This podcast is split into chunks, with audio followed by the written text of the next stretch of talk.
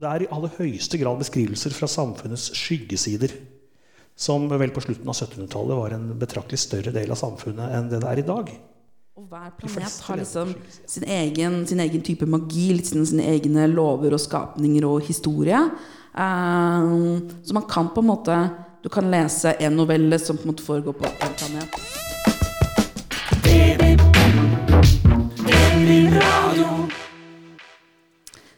Velkommen hit til Drammensbibliotekenes podkast. Jeg heter Maria Balg Meldalen, og i dag så er jeg så heldig at jeg har med meg Martin Nordli. Hei. Hallo! I dag så skal vi ned i søla og opp blant stjernene, tror jeg. Ja. Ja, jeg er spent. Uh, Jeg skal fordi, i hvert fall ned i søla. Så ja, for det er ikke noe sånn veldig lystig og lettbeint litteratur du har kost deg med? Nei. det er ikke, det er ikke altså, Lettbeint er det i og for seg. Det er ikke noe vanskelig, eller sånn, men det er ikke spesielt lyst. Det er veldig, veldig mørkt. Hva er det du har lest for noe? Jeg har lest uh, svensk forfatter som heter Niklas Natt og Dag. Er det hans ekte navn? Det er hans ekte navn. Det er fantastisk. Ja. Fantastisk Han er, han er uh, av svensk adel. Og Natt og Dag det er den sve eldste svenske familien som eh, lever i dag. Oi. Uh, og de har da tatt navnet fra våpenskjoldet sitt, da, som er sånn gult og blått, faktisk. Som det svenske flagget også. Kult. Så det er uh, nedarvet fra en rekke riddere oppi uh, Ja. Da må det jo bli noe sånn edelt nobel forfatter eller noe sånt, da.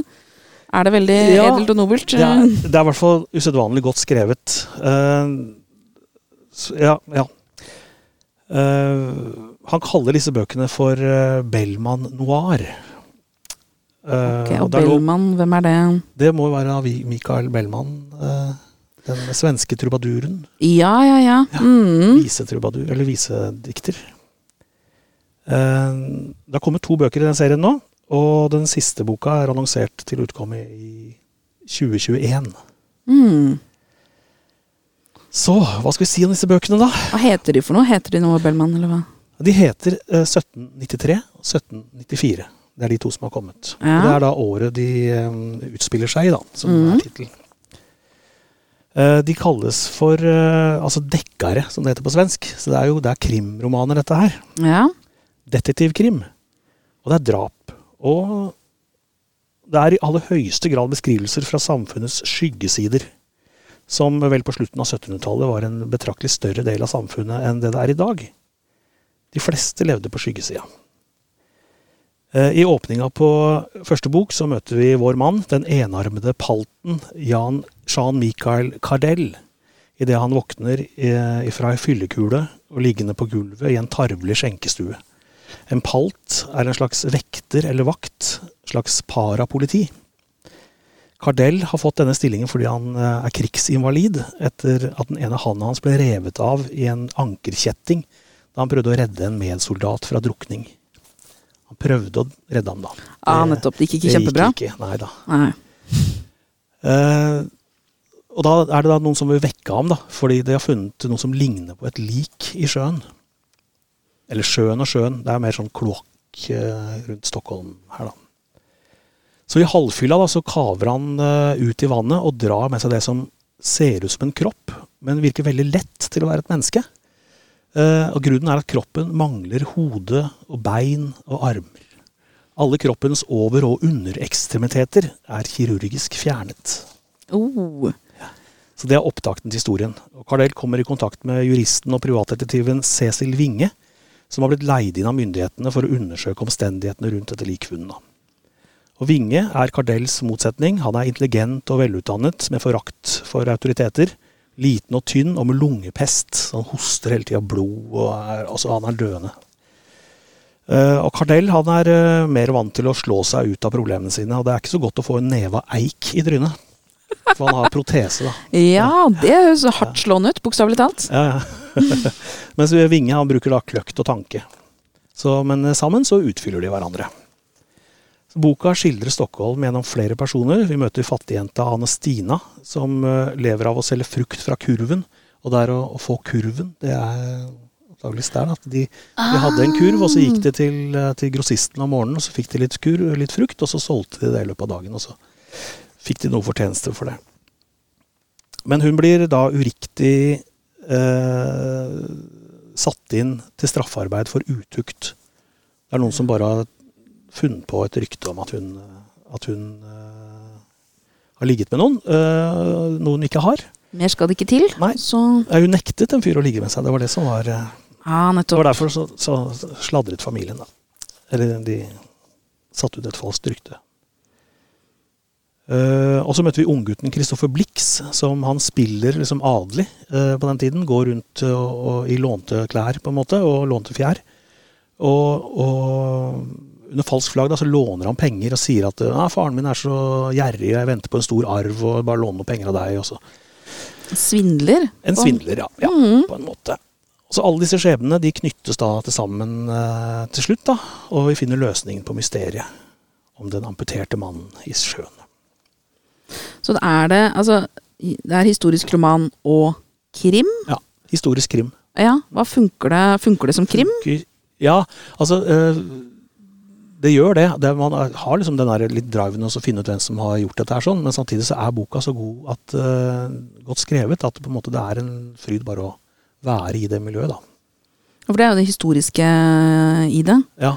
Eh, Jeg så at eh, forlaget, Cappelen Dam, det norske forlaget, Mm. kalte det et knyttneveslag mot ideali- idealiserte bilder av svensk 1700-tall. ja, ja Vil du si Altså, jeg må innrømme at jeg ikke har Altså, jeg, jeg tror verken jeg hadde noe sånn eh, Jeg tror ikke jeg hadde noe veldig sånn positivt bilde av eh, 1700-tallet i Sverige eller i Stockholm fra før. Jeg hadde egentlig ikke noe spesielt bilde i det hele tatt. Mm. Bortsett fra at jeg visste det var mye fyll. Ja, nettopp. Ja, Jeg må innrømme at jeg heller ikke kan så mye om svensk 1700-tall, annet enn at de litt sånn var litt sånn stormakt storebror av Norge og, så, og sånne type Ja, ting. er dette her er jo på en måte i, i eh, 1793 er vel også fransk revolusjonsåret. Ja. Så de ideene der sånn er på en måte ligger bak eh, Så det er sånn eh, en eh, verden i endring, da, måte. Mm. Men så er det da bok nummer to, som kom i, eh, kom i år. På norsk, i hvert fall. Og her møter vi da Mikke Kardell, eller Jean-Michael Kardell igjen. Han med, med treneven. Det er 1794, et år 1794 heter denne. et år er senere. Ja, det er på en måte rett over nyttår på i Mm. det nye året. Så her starter boka med at den unge mannen Erik Tre Rosor, eh, også litt sånn adelsnavn, da. Mhm. Han uh, går rundt i byens dårhus, liksom, så da får man liksom opptakten. Der, der er det ikke noe hyggelig sted å være. Altså dårehus er dårhus er sinnssykehus, da, på en måte. Eh, og altså, psykiatrien på 1700-tallet var uh, Noe mangelfull, er det det du sier? noe enkel, ja. Så uh, vi blir liksom i begynnelsen kjent med denne Erik, som er yngste sønn av en rik herremann fra en stor gård utenfor Stockholm. Og under fødselen så dør moren, da. Uh, og han får hele tiden høre av faren sin at han har tatt livet av mora si. Liksom. Det, er hans, uh, det er hans skyld. God start på livet. Ja, ja. Og han forelsker seg i en sånn bondejente, da. Det er ikke spesielt populært uh, i familien.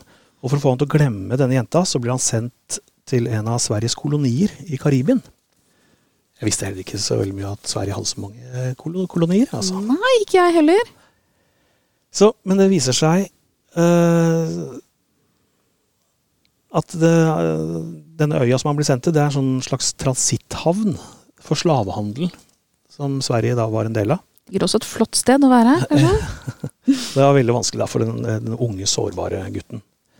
Omtrent 15 år, tenker jeg, på den tida. Og her skal han jobbe, da. Men etter hvert så blir han kjent med en underlig skrue som bor avsides på øya.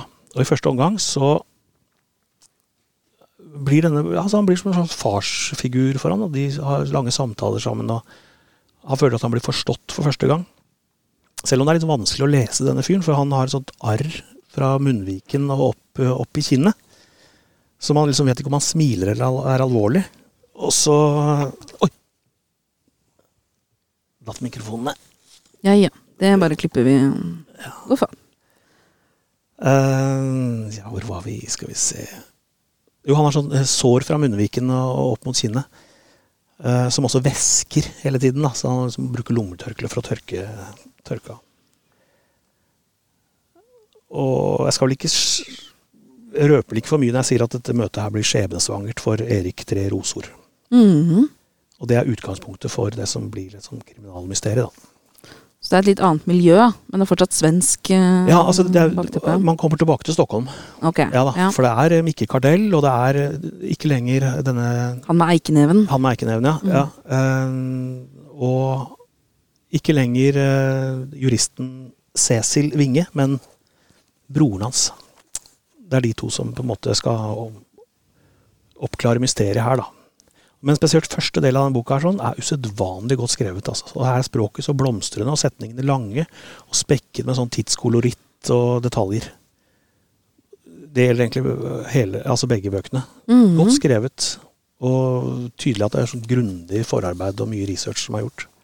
Ja, det kan ikke være så lett å gjøre det sånn historisk eh, setting. Nei, Du kan bare gå ut på gata og se hva folk gjør. nei, nei. nei. Så jeg vet ikke om han er historiker, eller det vet jeg ikke hva, hva slags bakgrunn han har. Forfatteren. Men det er ikke for sarte sjeler, dette her, altså. For det som er ille, det blir verre. Mm. Når du tror liksom at bunnen er nådd, da tar forfatteren fram hakke og spade, og så graver grava noen fot dypere. For det er eh, Ja, det er litt kjipt, da, for at man blir liksom glad i, glad i disse karakterene i boka. Du kan ikke forvente at det går så veldig bra med dem? Nei da, si, det kan alltid? man ikke. Uh, man håper liksom at de skal Kan de ikke bare flytte på småbruk og leve lykkelig? Det betyr jo at det er veldig Nei, godt kanskje- skrevet, da. Ja. At man faktisk bryr seg. Ja. Hvem vil du si de bøkene her passer, passer for? Eh, passer nok for, for eh, historieinteresserte. Og ellers også krimlesere som liker at det på en måte er litt mer enn bare Oslo-krim, liksom, eller eh, nåtids eh, sosialrealistiske dramaer, da. Og ikke er redd for litt blod gjøre. Nei da, det må man tåle med hvis, hvis man leser Jo Nesbø og sånn, så det har ikke jeg gjort, men det, det, jeg har hørt at det også er eh, Mm. ganske drøyt, da. Svensk eh, Jo Nesbø historie, historisk. Kanskje. Ja, jeg vet ikke. Nei, i hvert fall godt skrevet. Ja. Nei, men det, det høres jo veldig spennende ut. Tror det er en bok som passer for veldig mange. Ja, ja jeg har hørt flere som, eh, som også har blitt veldig begeistret for, de, for dem. Da har vi vært ganske langt nede i, i, i Gromsø, nede, nede i søla. Så Mm. nå tenkte vi skulle ta en tur litt opp eh, blant eh, stjernene. Eh, for jeg har kost meg litt med um, fantasy-serier. Og som jeg har litt mer tid, så har jeg gravd meg litt mer ned i sånne fantasy-serier som jeg har hatt lyst til å lese lenge. Mm. Eh, og som jeg ikke har hatt helt uh, ro og tid på i det siste. Mm. Det er jo blant annet en litt sånn stor fantasy-forfatterstjerne eh, som heter Brandon Sanderson. Og amerikansk forfatter. Jo, jeg tror han er amerikansk. Um, for han har gjort noe jeg syns er veldig spennende. Det er at han, han skriver veldig mange serier. Både fantasy og science fiction. Og veldig mange av de fantasy-seriene hans de foregår i um, samme på en måte overordna univers Mhm. men på forskjellige planeter i det her universet. Ok. Og hver planet har liksom sin egen, sin egen type magi, litt sine, sine egne lover og skapninger og historie. Eh, så man kan på en måte Du kan lese en novelle som på en måte foregår på én planet, uh, eller én verden, da. Uh, og en triologi et annet sted. Lengre serie et helt annet sted. Så kan du lese de hver for seg, eller bare en av de, og synes at det er en kjempefin historie i seg selv. Mhm. Eller så kan man gjøre det jeg holder på med nå, bare grave seg ordentlig ned i det her, og på en måte se, prøve å finne ut av der, hva er det som skjer i bakgrunnen, i kulissene her. Her er det en sånn overordna historie med en fortid eh, som gjør at ting er som de er, og noen som forskjellige større krefter da, eh, som foregår. Så det kan man også kose seg med, så det er det jeg holder litt på med nå, og graver meg litt godt ned i det. Mm. Um, og det er jo litt sånn litt som at man kan lese typ, Man kan lese Hobbiten av Tolkien uten å ha lest alt av Rings herre og Silmarillion mm. også. Og så kan man synes det er en kjempefin bok i seg selv, eller så kan man på en måte grave seg ned i universet og mytologien rundt. da. Mm. Um, og noen av de litt sånn kjente seriene i det her universet er blant annet Mistborn, som er en avslutta serie som jeg har lest. Så er det òg en serie som heter Stormlight Archive, som jeg holder på med nå. Um, og her er eh, det kommet tre bøker. Bok nummer fire er forespeila å komme i slutten av året. Det er veldig mange som venter på den. eh, vet jeg, Så jeg håper å få jobba meg fram til de, for det er ganske tjukke bøker, da. Mm. Det, det her det skal sies. Er det, det er ikke oversatt? Nei, ingenting er oversatt, dessverre. Jeg eh, tror at eh, norske forlag går glipp av noe der, altså.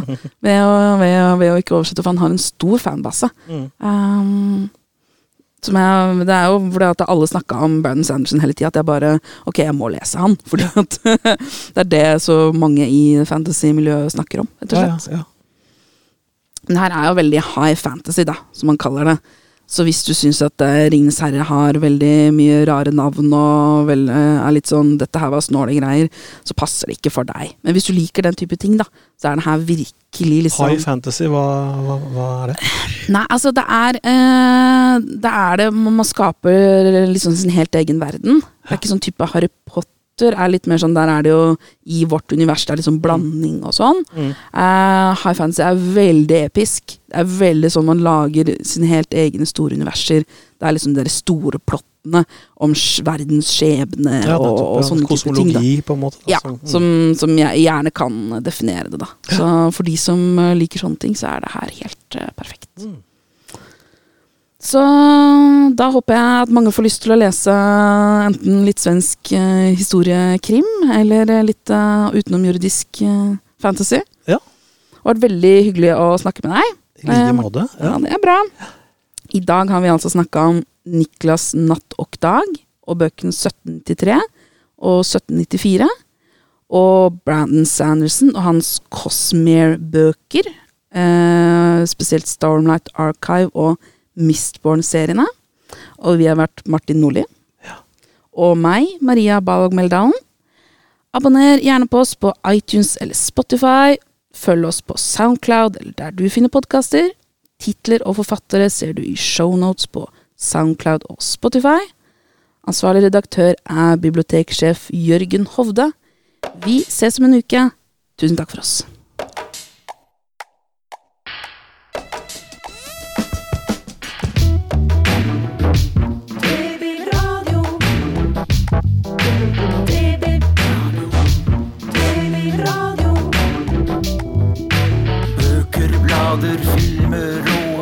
Og